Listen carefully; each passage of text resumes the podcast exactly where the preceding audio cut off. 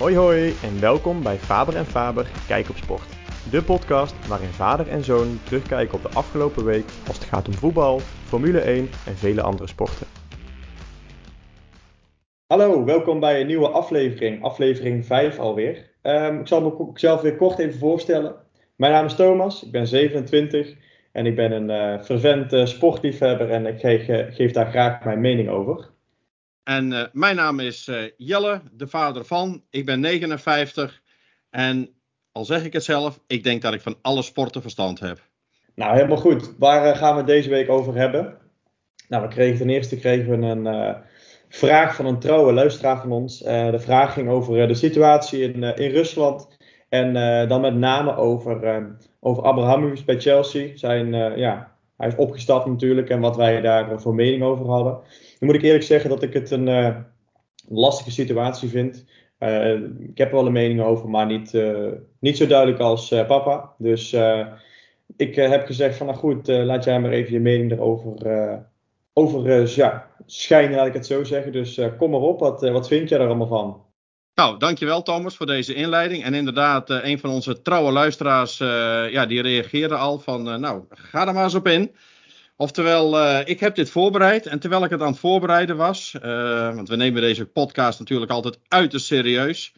Ja, zie je gewoon dat het per, uh, ja, eigenlijk per minuut aan het veranderen is hoe de sportwereld daarop verandert. Terwijl ik daar al wel een, mening over had. Ja, zie je op sommige dingen dat de sportwereld mij aan het volgen is. En dat zal ik straks ook wel, wel eens laten weten waar dat zo nu en dan gebeurt.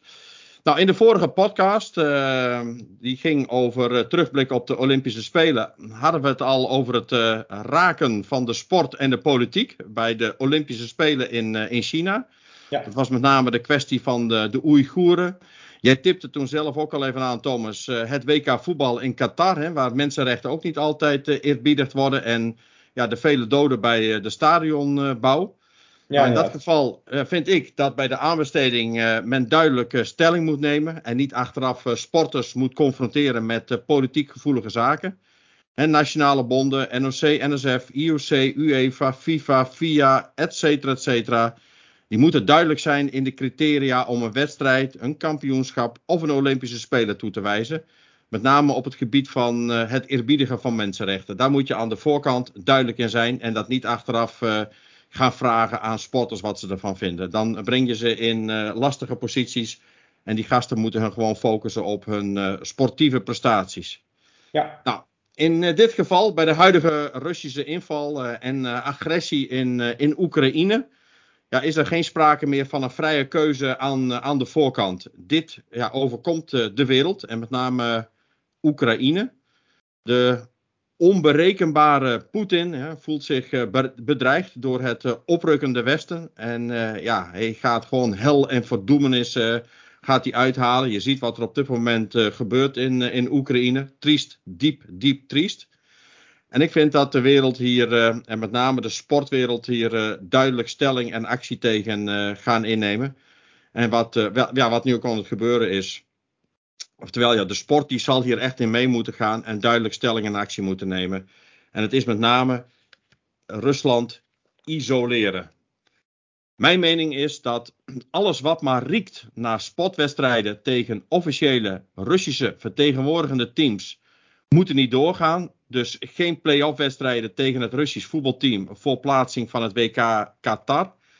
Dus geen Rusland-Polen en geen volgende mogelijke wedstrijd tegen of Zweden of Tsjechië. Hè. Die landen hebben dat ook al aangegeven dat niet te willen doen. Dit schreef ik uh, vanmiddag. En uh, toen waren de UEFA en de FIFA daar uh, nog niet echt duidelijk in, met name de FIFA. En ja, vanavond hoor ik dan via het Sportjournaal op, op Nederland 1 dat uh, deze beide bonden hebben nu het standpunt uh, ingenomen dat ook uh, ja, tegen vertegenwoordigde teams en zelfs voor clubteams, ja, die worden uit de competitie genomen. Dus dat is wel, wel strak. En ik moet ik zeggen dat ik dat ja, best steun. Met name die vertegenwoordigende teams. Voor mij is dat een, een no-brainer. En niet van dat soort dingen als het Russisch Olympisch Comité, weet je wel, dat is dan het team. Ja. Nee, dat is gewoon Rusland, moet je niet doen. Nou, het, uh, geen basketbal interland uh, Nederland-Rusland in uh, Almere. De stad Almere die heeft al aangegeven dat het Russisch team niet gewenst is. Prima.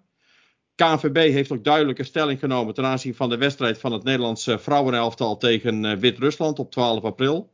Want Wit-Rusland steunt grote broer. Dus ja, je moet je niet willen deze wedstrijd. Ook dat heeft de KNVB vanmiddag laten weten. Terwijl ik dit aan het schrijven was, was dat nog niet duidelijk. Maar ook daar gaat de KNVB, ja, volgt ook ja, wat mijn mening daarin is. Nou, prima dat UEFA de Champions League finale verplaatst heeft van Sint-Petersburg naar Parijs. En uh, dat de Formule 1 gelijk de race in uh, Sochi afgelast heeft. De Motor Grand Prix in Rusland is afgelast. Prima dat Schalke 04 de sponsornaam van een grote sponsor Gazprom van het shirt haalt. En vandaag is ook een einde aan het sponsorcontract gemaakt. Dat is toch een, een waarde van 200 miljoen euro tot 2025. Nou, dat was ook nog niet bekend vandaag. Nou, ik had ook al de mening van, nou, dan moet je ook doorgaan en moet je ook die banden ver, verbreken. Ik vind wel dat nu de UEFA ook de banden met diezelfde grote sponsor meteen moet verbreken. Hè? En niet dat we bij de Champions League hymne nog Gazprom logo uh, voorbij zien komen. Dat is not done.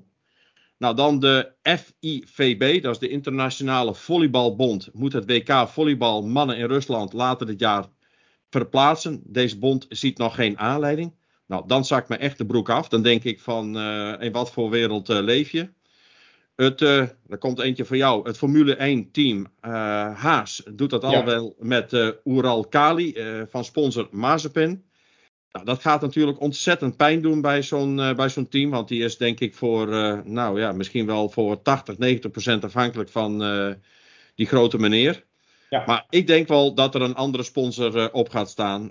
Die zien dat ook gebeuren. En ik denk dat er genoeg sponsoren op gaan staan nu.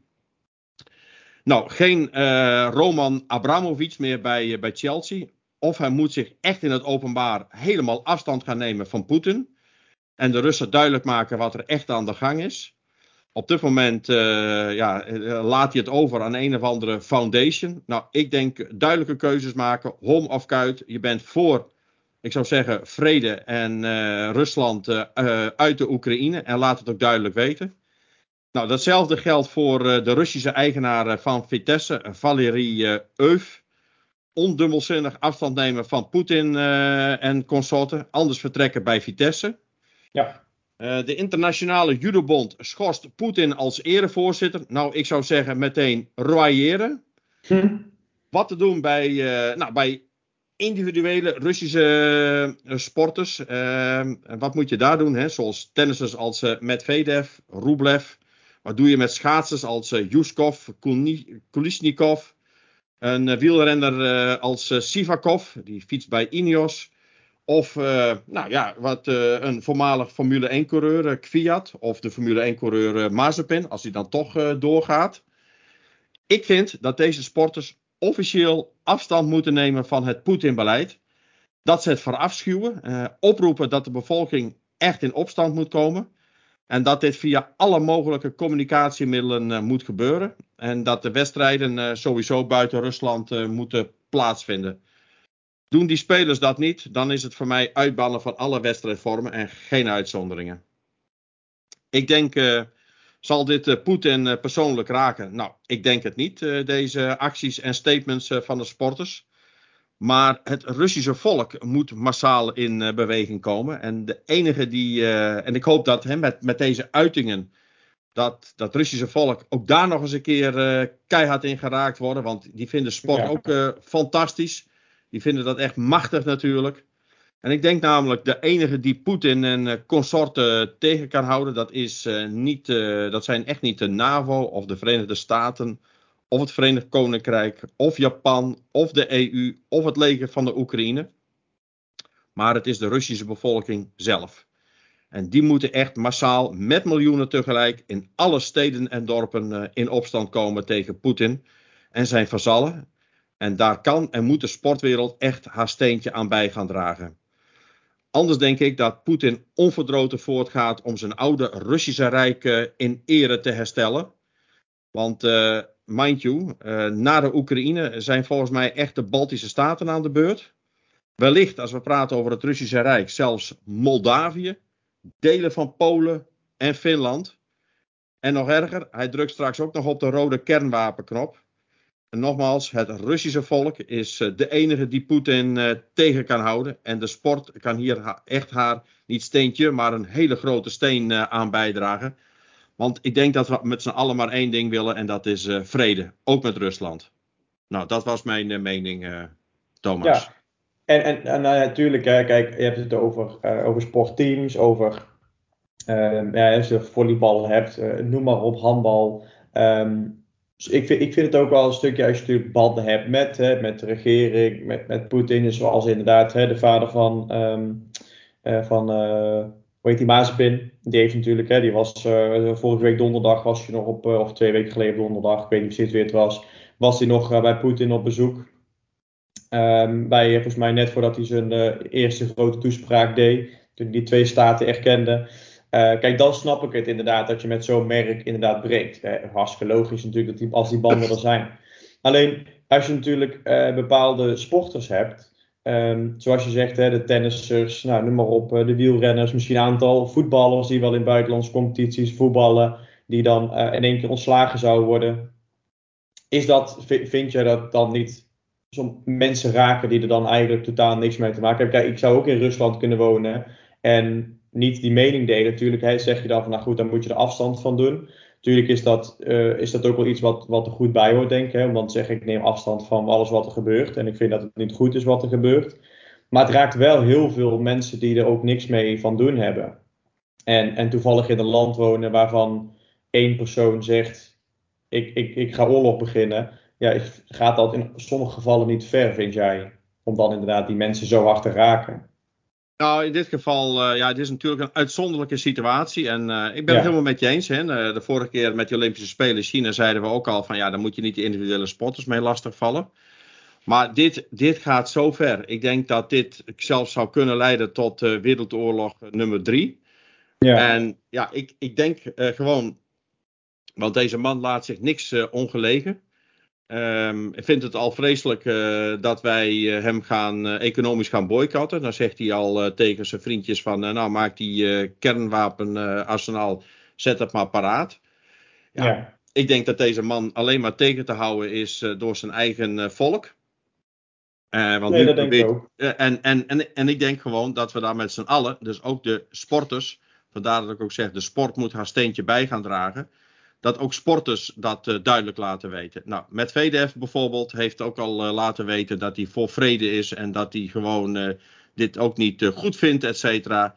Nou, dat soort gasten, denk ik, dat zijn toonbeelden, voorbeelden, et cetera. Die moeten nu op gaan staan. En het zijn met name deze grote mensen, grote sporters, et cetera. Ja, die moeten nou hun, ja, hun, hun, hun, hun leiderschap tonen in dit uh, uitzonderlijke geval. Vandaar dus dat ik ook een oproep doe aan al deze individuele ja, Russische sporters om, uh, om in het geweer te komen. En ik ja. verwacht dat zeker niet uh, van teams als CSK Moskou. Ik heb dat even opgezocht. Dat was ook wel het rode leger, wat dat genoemd. dus echt een team gelieerd aan het, aan het leger. Spartak uh, Moskou. Ja, jongen, daar kun je dat moeilijk van gaan vragen, want dan weet je van tevoren het, het antwoord wel. Ik denk ook dat uh, ja. voor een, een, man als Roman Abramovic uh, en dat soort oligarchen, ja, die zijn allemaal steenrijk geworden. In de tijd dat, ja, dat het Sovjet-Unie helemaal in verval raakte en aan lage wal was geraakt, hebben ze zeg maar hun, ja, hun, hun grondstof, mijnen en, en dat soort rijkdommen, hebben ze verpatst gewoon aan die oligarchen. En die zijn er nu stinkend rijk mee geworden. En dat zit zo met elkaar verweven. Die oligarchen en, uh, en Poetin en zijn kliek. Ja, daar, daar kun je het wel gaan vragen. Maar uh, afgelopen zondag in uh, Buitenhof zat Dirk Sauer met zijn, met zijn vrouw aan tafel. En die hebben in, en, ja, die wonen al 32 jaar in Rusland. Hebben de New York, nee, de New York, de Moscow Times hebben ze. Een onafhankelijk blad. En uh, ja, die, die, die, spreken, of die spraken toch wel ook vaak met uh, dit soort lieden bij hun aan de keukentafel. Ja. En uh, toen vroeg Twan Huis nog aan hun van, nou, wat zeggen die mensen dan? Nou ja, zijn vrouw zei van, ja, maar die, die, die spreken we niet meer. Nou, zegt Dirk Sauer, dat is niet waar. Want er was toch nog een, een zo'n oligarch, die hadden ze nog wel gesproken onlangs bij hun aan de keukentafel. En inderdaad, dan aan de keukentafel, ja, dan is er niks goed aan, aan Poetin. Maar in het openbaar zal hij dat niet zeggen, want ja, dan gaat hij het gevangen in. En zo zijn er een aantal van die oligarchen. Ja, die, die gingen tegen Poetin in. En ja, dat is het eerste wat er dan gebeurt, het gevangen in. Want dan hebben ze gefraudeerd of wat dan ook. En dat ze voor altijd, hup, richting Siberië gaan. Dus ja, dus ja ik, ik, ik vind het een uitzonderlijke situatie. Dus vandaar mijn, mijn pleidooi, Thomas.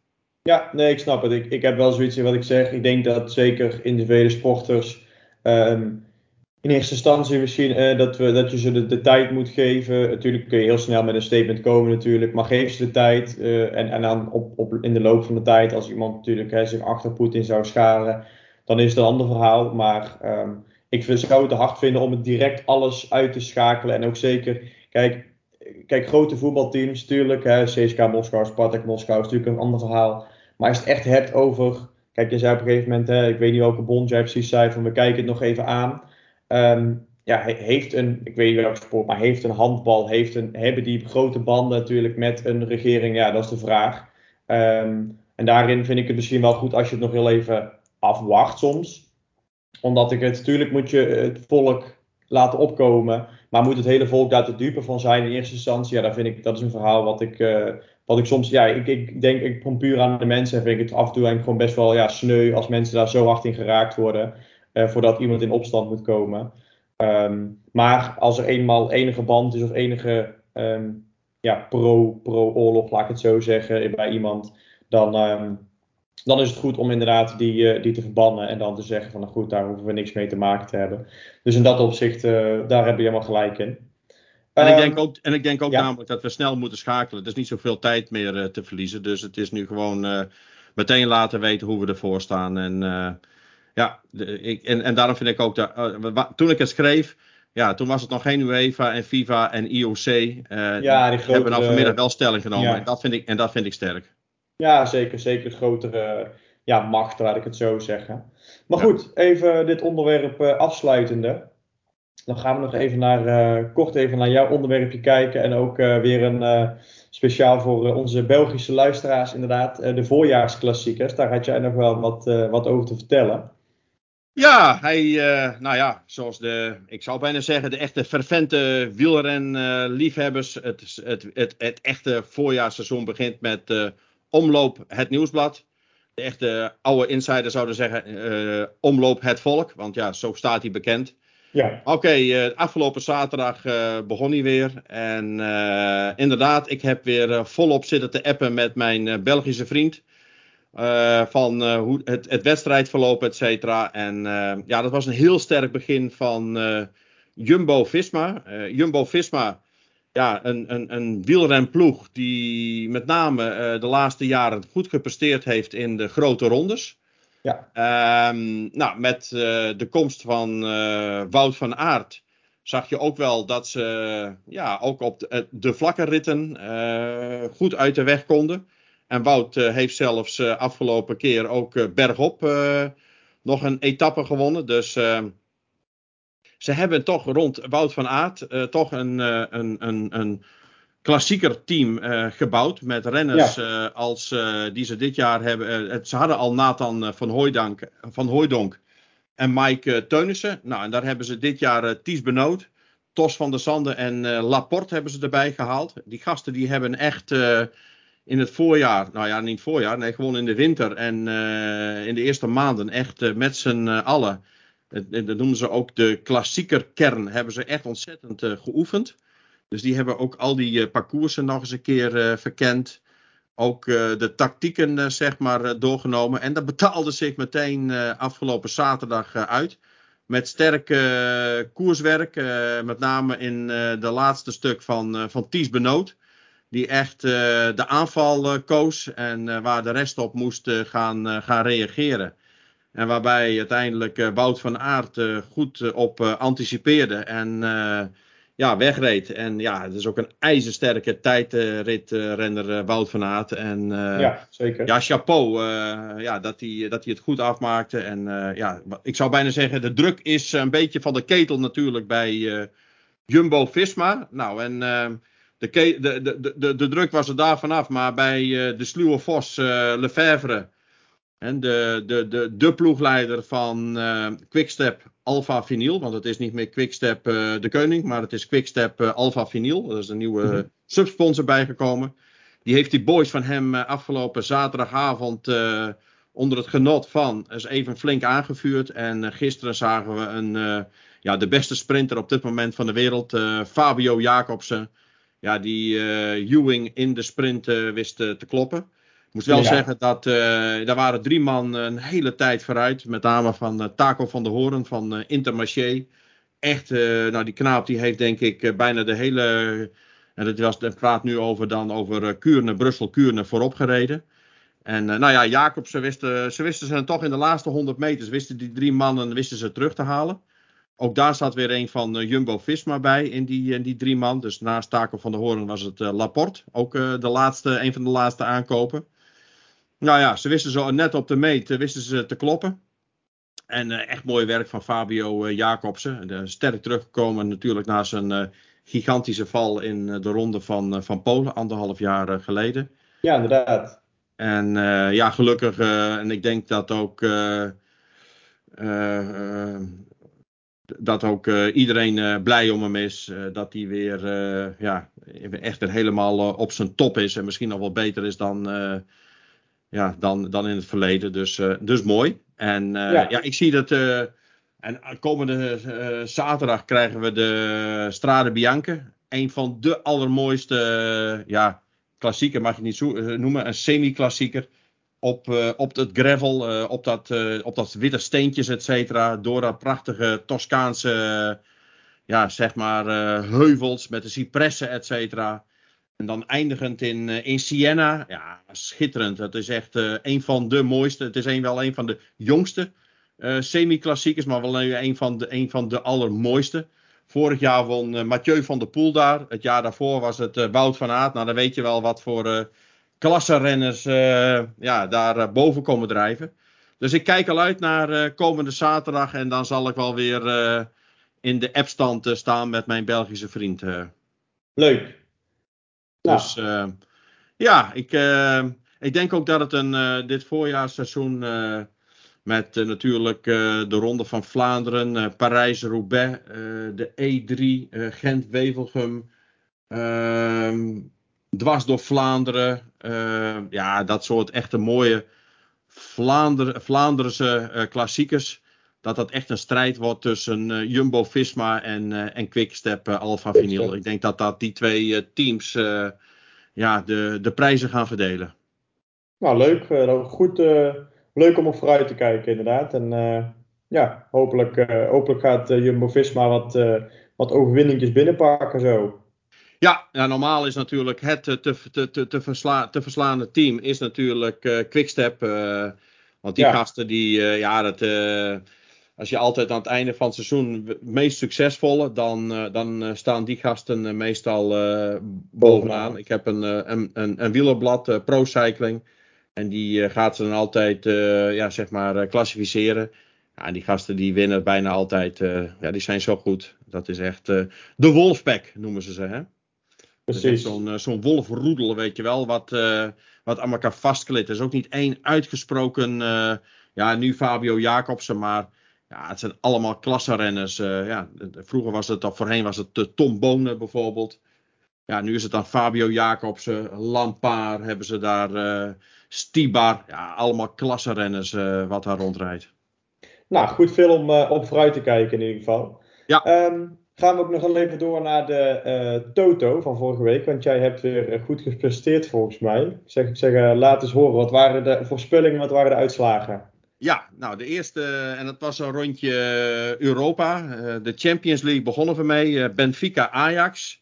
Ja. Jij had een, een tweetje. En ja, had Ajax gewoon haar spel een beetje, ja, ik zou bijna zeggen, wat, wat, wat, wat alerter geweest. Dan was het ook een tweetje geworden. Maar ja, ik, ik dacht al, die sluwe vossen uit, uit Portugal, die weten er altijd wel weer iets onverwachts uit te slepen. En inderdaad, het werd een gelijk spel. En dat had ik ook voorspeld.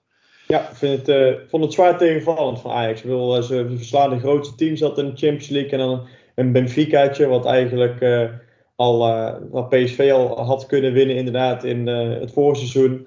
Wisten ze dan nog niet eens te winnen. Ik vond het tegenvallen. Maar goed, dat bleek ook uit mijn voorspelling. Want ik zei een makkelijke 3-0 overwinning of zo. Ja. Dus Nou, dan de tweede, Maccabi Tel Aviv tegen PSV. Nou, daar, wij dachten beide dat PSV wel eh, even zou winnen. Nou, dat Ja. eh, zag er ook naar uit. eh, met eh, Jorbe van Tessen, eh, ja, wat was het, 10 minuten voor tijd, eh, 0-1.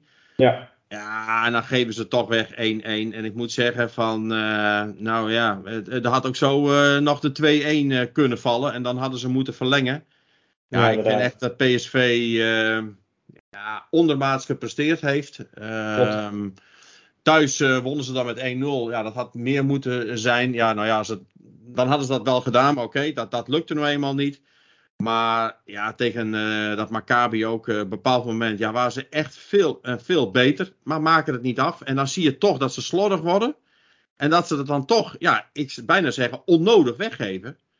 En eh, nou, gelukkig, eh, ja, een 1-1 is genoeg. Eh, met een 0-1 eh, ja, is dan eh geaggregeerd 1-2. Hè, dus dan gaan ze gelukkig door. ja, En eh, nou ja, nu op naar Kopenhagen. Maar oké, Ja. beiden eh, het niet. Nou, dan de laatste. eh, Vitesse tegen Rapid Wien. eh 2-0. Waarbij jij zei eh, gelijkspel. En ik zei, eh, nou ik zei niet 2-0, ik zei 1-0. Maar oké, Ja. eh, ook die had ik dan goed. ja, En eh, ja, had ik ook wel op gehoopt. eh, Vitesse. Eh, Ja, mooi. En eh, ja, Bazoer deed niet mee. Ehm, volgens mij hadden ze die. eh Openda deed ook niet mee. En ja, toch winnen ze. ja, knap. Leuk teampje.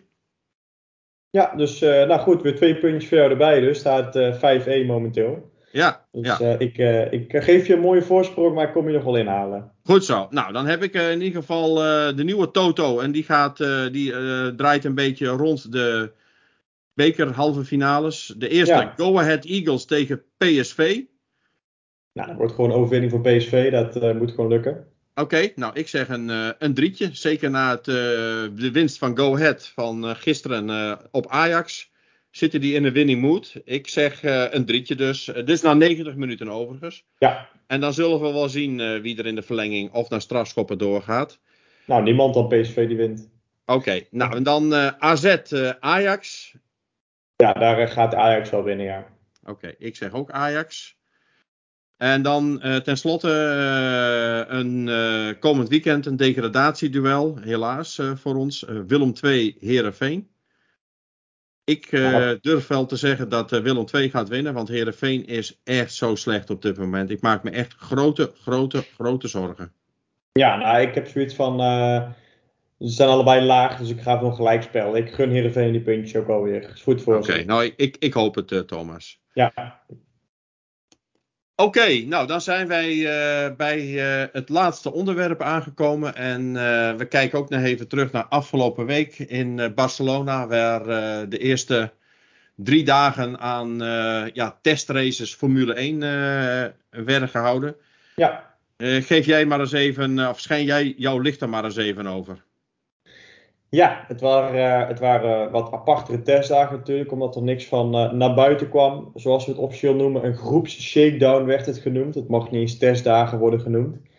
Ehm, ik vond het, eh, ja, was wel, het was wel interessant. Er was eigenlijk is er heel weinig zijn we te weten gekomen, want iedereen die deed maar wat. We hebben geen idee natuurlijk met hoeveel brandstof er werd gereden. Eh, vol leeg of iedereen op volle, volle heeft gereden. Er werd natuurlijk veel geschreven. Nou, zie je wel, ze zijn een aantal seconden langzamer dan vorig jaar. De polronde van vorig jaar ging volgens mij in 1.16.7. En ehm, dat, eh, ze haalden nu ongeveer de 1.19 laag. Nou, volgens mij eh, kan dat nog een stuk sneller, aangezien ze volgens mij allemaal nog niet heel hun best hebben gedaan.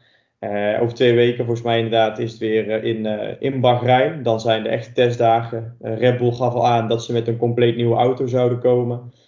De motor wordt ondertussen nog verbeterd. Die wordt pas op de allereerste wedstrijddag, laat ik maar zeggen, moet die pas bevroren worden. Dus daar zijn ze nog lekker aan het doorontwikkelen. Auto's zijn aan het doorontwikkelen. De Red Bull was wel, ja, werd het, het wonderjongetje genoemd. Ja, waarom werd toch het wonderjongetje genoemd, Thomas? Ja, er was natuurlijk nog helemaal niks, niks bekend van die auto van tevoren. Ze, het, eh, ja, ze hielden het eh, angstvallig stil, laat ik het zo zeggen. Nou, het angstvallig als weet je niet, want je wist wel dat eh, Adrian Newey is toch wel de koning eh, van, van het ontwikkelen van auto's. Meer dan tien kampioenschappen gehaald. met verschillende teams. Heeft in de jaren 80, 90 natuurlijk ook al gewerkt met het ground effect. Dat is het, de, waar ze dit jaar de, um, de, de, de downforce van willen halen. Normaal hou je de downforce uit de vleugels. En dan gaat er eigenlijk gewoon de lucht over een vleugel heen. En net als bij een vliegtuigvleugel die bol naar bovenkant loopt, wordt die naar boven gedrukt. en hier loopt hij aan de andere kant bol Waardoor die lucht eigenlijk naar, uh, wordt, ja, wordt naar beneden gedrukt, zo'n vleugel, waardoor je heel erg de, weggedrukt wordt. Nou, die, die vleugels creëren heel veel uh, ja, wervelingen achter de auto, waardoor je dus die vieze lucht krijgt. En uh, die auto's worden natuurlijk heel mooi getest met, met strakke lucht, waardoor een, als er een auto heeft met, met ja, wervelingen, hè, geen strakke lucht meer, geen schone lucht zoals ze dat noemen, dan krijg je, dan krijg je geen downforce meer. Dus daar was eigenlijk het hele ja, puntje met het hele probleem vorig jaar. En dit jaar zijn ze met ja, ground effect gewerkt. Noemen ze Venturi tunnels onder de auto's. Dat gaat eigenlijk gewoon van heel breed wordt daar lucht ingelaten. En dat wordt dan smaller gemaakt en dan wordt dan weer breder uitgelaten. En dat zorgt uiteindelijk voor een uh, zuigend effect. En dat zuigt gewoon die auto's op de weg. Um, en, en er was eigenlijk nog heel weinig naar buiten gekomen. En iedereen had wel zoiets van, goed, ja, Red Bull heeft natuurlijk een topontwerper. Dus ze verwachten wel wat. Maar je zag niks. Shakedown was eigenlijk niet eens, niet eens ingepland. Niemand wist überhaupt er een shakedown was van hun. Dat is het moment dat je 100 kilometer op een, uh, op een circuit mag rijden. En elk team had overal bij de media de shakedown aangekondigd. Behalve Red Bull. Die deed hem gewoon heel sneaky snel naar hun team, uh, naar een autopresentatie waar ze ook gewoon de standaard conceptcar van de Formule 1 hadden gepresenteerd met hun logootjes erop voor de sponsoren. En um, ja, toen kwamen ze toch in één keer op het circuit met, uh, met een compleet ja, nieuwe auto natuurlijk. Uh, met een hele mooie voorvleugel, die, die, die ja, anders was dan de meeste. Ze kwamen met een, de rake, dat het effect dat de auto achter hoger staat, laten we zeggen, dan, dan voor. Dat is een beetje hè, met de kont naar boven. Dat is een aanvallende ja, modus die ook een Newey de sport in heeft gebracht. Die was helemaal weg. Het is een vlakke auto geworden. Ehm, de sidepods, hè, waar de lucht aan de zijkant ingelaten wordt, die, die waren bij alle teams anders, maar bij Red Bull weer anders. En ook heel apart. Hè. Ze hadden de, bargeboards die eigenlijk verdwenen zijn en waar de vloer aan de zijkant, die waren ook weer heel anders dan andere teams. Hadden ze een soort van eigen tunnel gemaakt die dan weer lucht naar de achterkant, naar de diffuser zou leiden. En daar, blijkbaar is de FIA ook nog langs geweest bij, uh, bij Red Bull om te kijken of het allemaal legaal was wat ze met de achterwielophanging hadden gedaan. Nou, hebben ze ook nog ik, eens... ik, zag dat ja, dat die Ross Brown die was uh, persoonlijk ja. ook komen kijken. Ja, die was eventjes uh, eh, polshoogte komen nemen. Omdat hij het wel uh, allemaal toch wel zeer uh, inventief vond wat erop zat. En, en het ging dus niet eens om de sidepods of wat nog, maar puur om de achterwielophanging. Um, en hebben ze ook nog eens, het, wordt, het was heel technisch, maar je, je werkt met een push of een pull, een pull rod als het gaat om, om de wielophanging. Eigenlijk soort waarin een auto dempers heeft zitten en vering. Uh, kan dat niet in een Formule 1 auto, momenteel niet meer in ieder geval. Dus dan werken ze met een stang die kan trekken of kan duwen aan, uh, aan het wiel als het ware, waardoor het wiel uh, de klappen op kan vangen van de auto. En eigenlijk alle teams werken voor, voor met een pushrod en, en ja, Red Bull weer als een van de weinige teams, maar met McLaren, die voor een pullrod hebben. Dus hun auto is compleet anders dan wie dan ook. Er zit echt eigenlijk niks gelijks op als een Mercedes, als een Ferrari, behalve de McLaren. Die, die auto lijkt er in sommige onderdelen wat op. Maar het is, um, ja, het is een compleet, uh, compleet andere auto. Uh, er zitten dus dingen op waar de, waar de meeste Formule 1 fans en kenners uh, wow bij zeggen. Moet zeggen, ik, ik kan natuurlijk niet direct zien hè, of iets, iets wow is en iets geweldigs gaat werken. Want ja, het kan goed zijn dat het wow is, maar niet werkt. Dus je weet het nooit. Nou, dat, dat, dat is mijn vraag ook. Als ik jou dan zo hoor, dan denk ik van... Gaan ze het nou hiermee redden? Is dit uh, inderdaad het winnende team of zakken ze helemaal door het, de onderkant? Nou goed, als je natuurlijk naar de, de historie kijkt van Newey, um, is de kans klein dat het volledig misgaat.